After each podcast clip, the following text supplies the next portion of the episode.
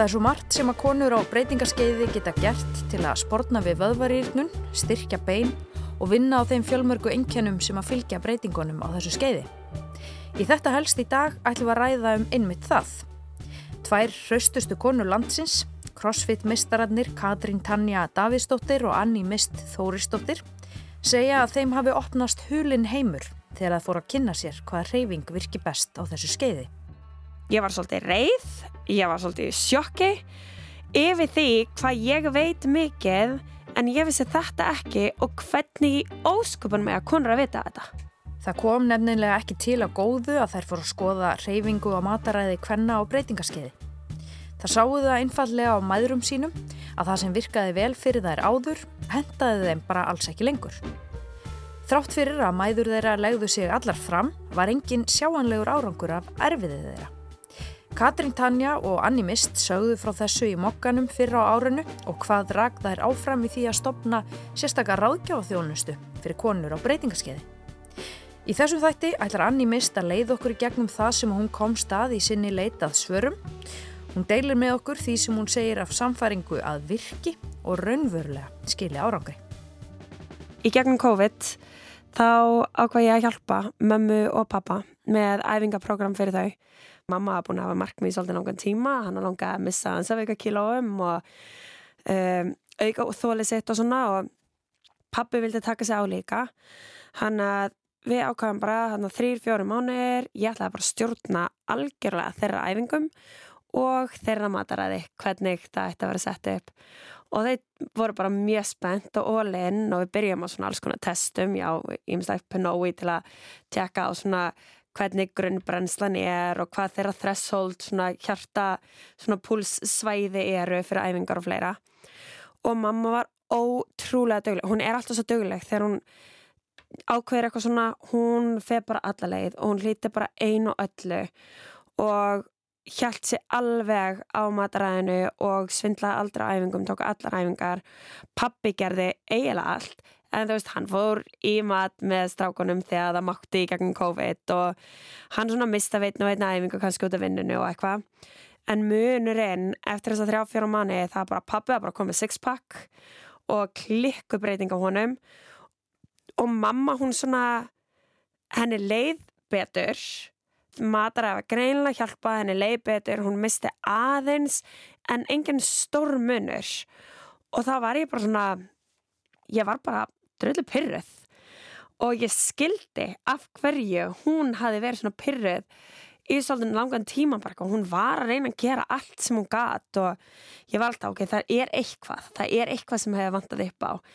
Mér finnst ég veit að mjög mikið þegar kemur æfingum þegar kemur á brennslu, þegar kemur á þóli þegar kemur á matræði en eitthvað var bara ekki að virka aðna og þá fór ég að skoða hvaða upplýsingar væri aðgengilegar til þess að reyna bara finna út hvað væri í gangi og ég hafði tekið námskeið með Dr. Stacey Sims og verið hans í sambandi við hana og hún er bara frumkvöld þegar kemur að reyfingakvenna, næringakvenna um, styrk og bara líkama hjá konum Uh, og ég hafa búin að taka námskeið með henni á netinu sem var Women are not small men.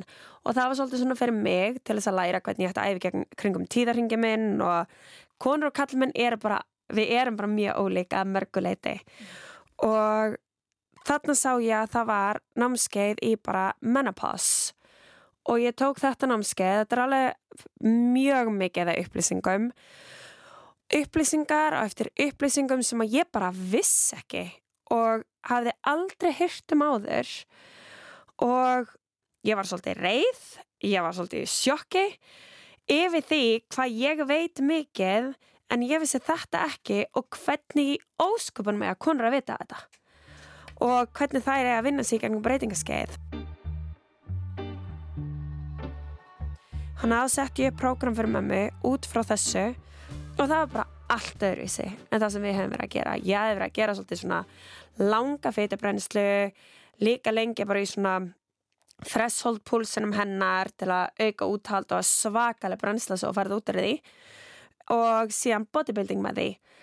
En það sem að konur eiga að vera að gera er þar er að gera high intensity interval training og sprint interval training og lifta lóðum og þungum veist, þannig að það áhrif á tögkerfið, ekki fara upp í tíur eða tólfur og finna fyrir brunanum í föðunni þannig, heldur svona taka þrjár til sex liftur af að langa pása á milli þá erum við að fá alveg benefit út af því. Ég líka en þú veist konu sem er að fara gegnum breytingaskeiðið og plyometrics fyrir beinin þú veist að fá svona pounding og höggin sem við þurfum til þess að fá sterkari bein. Við gerum þetta allt saman og ég fór í gegnum hvernig mataræði þurft að vera líka og vá munurinn á mömmu. Þetta var ótrúlegt. Og þarna fórum að sjá alveg breytingar og ég var svo spennt fyrir þessu, ég er að segja Katrínu frá þessu líka og hún, ó, mamma er líka búin að vera einhverjum vandra og við skiljum ekki alveg. Hún er alltaf eitthvað, fara á keto fara fasta og svo er alltaf geða eitthvað munur á manninu menn en ekki á henni og þú veist þetta er svo demotivating fyrir hana. Mm. og þá var hún aðeins spennt fyrir að reyna að fá upplýsingar og þá er ég svona, ok við getum sagt konum að það er eiga að lifta en ætlumst þið til þess að þessa konur segjum 40, 45 upp í 70 ára eða það er að fara bara að googla á netinu og fara að fylgja einhverju liftingaprógrami og bara gera þetta sjálfur, þú veist hvaða prógrami að fylgja, hvernig er að vera mótið þeirra í gegnum þetta, ég bara við þurfum að gera eitthvað betra. Við þurfum að gera þetta meðtækilegt og við þurfum að gera þetta þannig að þær skilja af hverju og hvað er að gerast. Þetta er ekki bara fyrir sex vikur eða þrjá manni heldur er þetta restan af lífinu þannig við þurfum að skilja hvað gerst í líkamunum okkar hann að þá tala ég við Dr. Stacey Sims og ég bara þú ert með svo mikið að frábærum upplýsingum og hún vil koma sér bara á sem allra flesta við ákvæmum það á að búa til bara plattform það sem að konur gæti fengið liftingaprógram og það sem mér finnst skipta svo miklu máli fræðslu um hvað er að gerast í líkamannu þeirra. Hver er þessi enkenni og hvað getur við gert? Og því að vonandi fáum við allar að ganga í gegnum þetta tíðjumbil að fara í gegnum breytingaskeiðið. Og þá þurfum við bara að læra að kynast líkanum okkar aftur. Og það virkar ekki það samu að vorum að gera á þér það virkar ekki lengur en það þýðir ekki að líkamann okkar virkar ekki. Þú veist það gerist ímislegt með blóðsökurinn hjá okkur hann að við erum með svona mikla orku og litla orku og finnum fyrir bara við erum höfum minni orku í gegnum daginn og fáum verki í liðina og, og það stærsta sem við getum gert er að lifta loðum og taka sprint interval training sem er bara svona keira líka mann áfram í smá stund þetta er stuttutími, taka þess að spretti og þá ert að fá viðbröðum í líkamannum eins og við náum að toga sigurinn úr blóðstreminu, það sem að gerist þegar við ferum að fá svona blóðsigurs ójapvægi hjá okkur þá þurfum við meira insulín til þess að geta tekið sigurinn úr blóðinu. En við það að sér spratti þá opnast fyrir það það svona hamra betur á frumunda til að opna þær. Það gerist og þá getum við farið að fá þessa breytingu og respons í líkamanni sem við vorum áður. Og til að fetan hún er farin að sapnast meira á innri eh, þú veist á kviðin í staðin fyrir kannski læri og rass og svona innri líffærin sem er verra, mun verra fyrir okkur. En þarna getum við breytt því og svo með að lifta þá erum við að byggja feðman út í að feðanir okkar fara að brotna niður og styrkja beinin okkar við viljum lifta þrjusunum í viku. Við viljum ná að minnstakosti tjóðsari viku en helst að lifta þrjusunum í viku. Þá fer það að finna alvöru mun. Það skiptir miklu máli að hafa pásu á milliliftana til þess að fá rétta, réttu viðbröðin í líkamannum hitt, það myndi ég segja að væri einu sinni viku.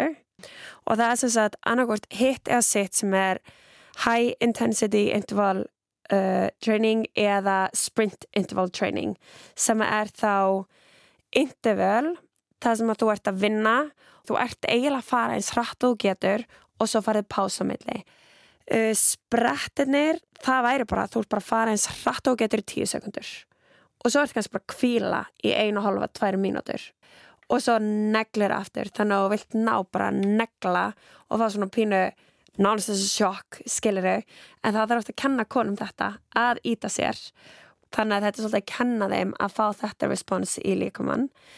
Eða þá þú getur verið að taka 30 sekundur on eða eina mínúti on þar sem þú ert að gera eitthvað á vél og síðan ert að lifta smáþyngd eða eitthvað með því, bara svona svolítið eins og crossfit. En ert með þína pásu sem það milli og þá færðu kannski einna móti tveimur. Þá ert að vinna í eina mínúti og færðu tvær mínúti í kvildamilli bara eins og í prógraminu í okkur þá byrjar þetta kannski bara tvisasunum eða þrisasunum sem ert að gera þetta og þá ertu bara sjá hvernig þið líður og vennjast því. Svo ykst þetta upp í þanga til að þú ert ekki að ná að spretta lengur ef það með ekki sens þannig að segjum, segjum að við sem að vinna í vettum og þú ert að hjóla og þú ert að ná að hjóla á 300 vettum í 10 sekundur en svo þegar þú ert búin að gera þetta þrjusunum í fjörðaskiptið sem þú ert að gera þá ert ekki að komast upp með meir en 230 vett þá ertu búinn. Þá er það aðeins dagsins. Meira ákjæft það er það sem við þurfum og það er akkurat það sem við leitumst ekki í.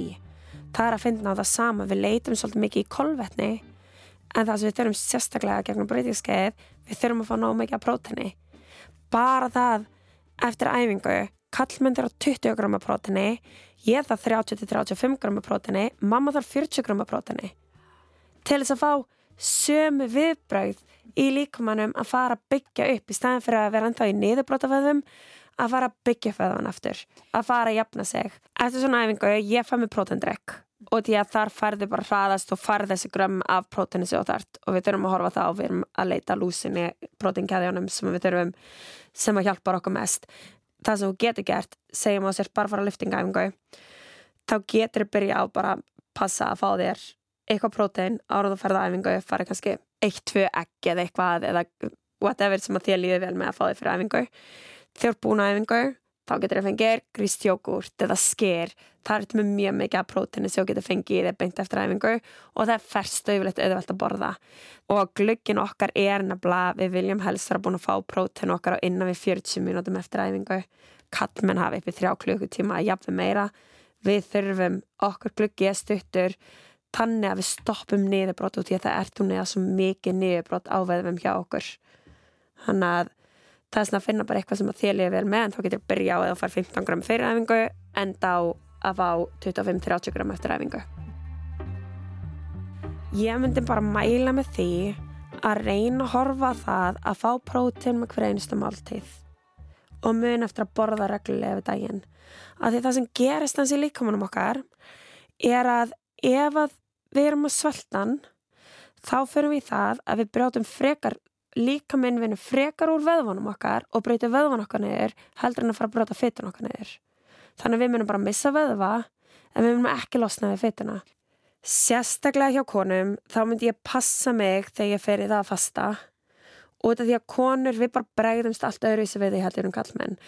Að fasta hefur meiri svona health benefits fyrir kallmenn heldur en að hefur fyrir kvennmenn. Við verum að missa fókus og líði verð.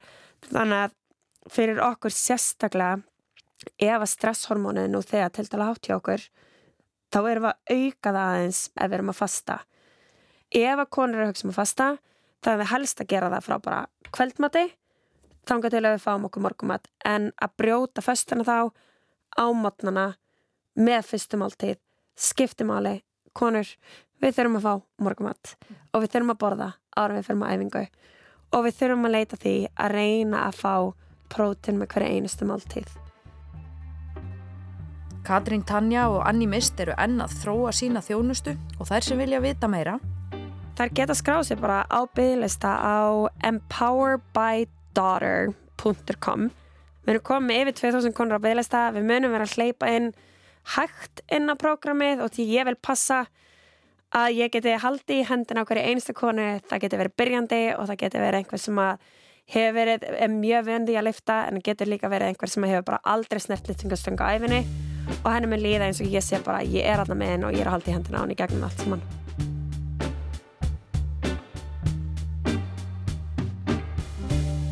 Þetta var helst hjá okkur í dag.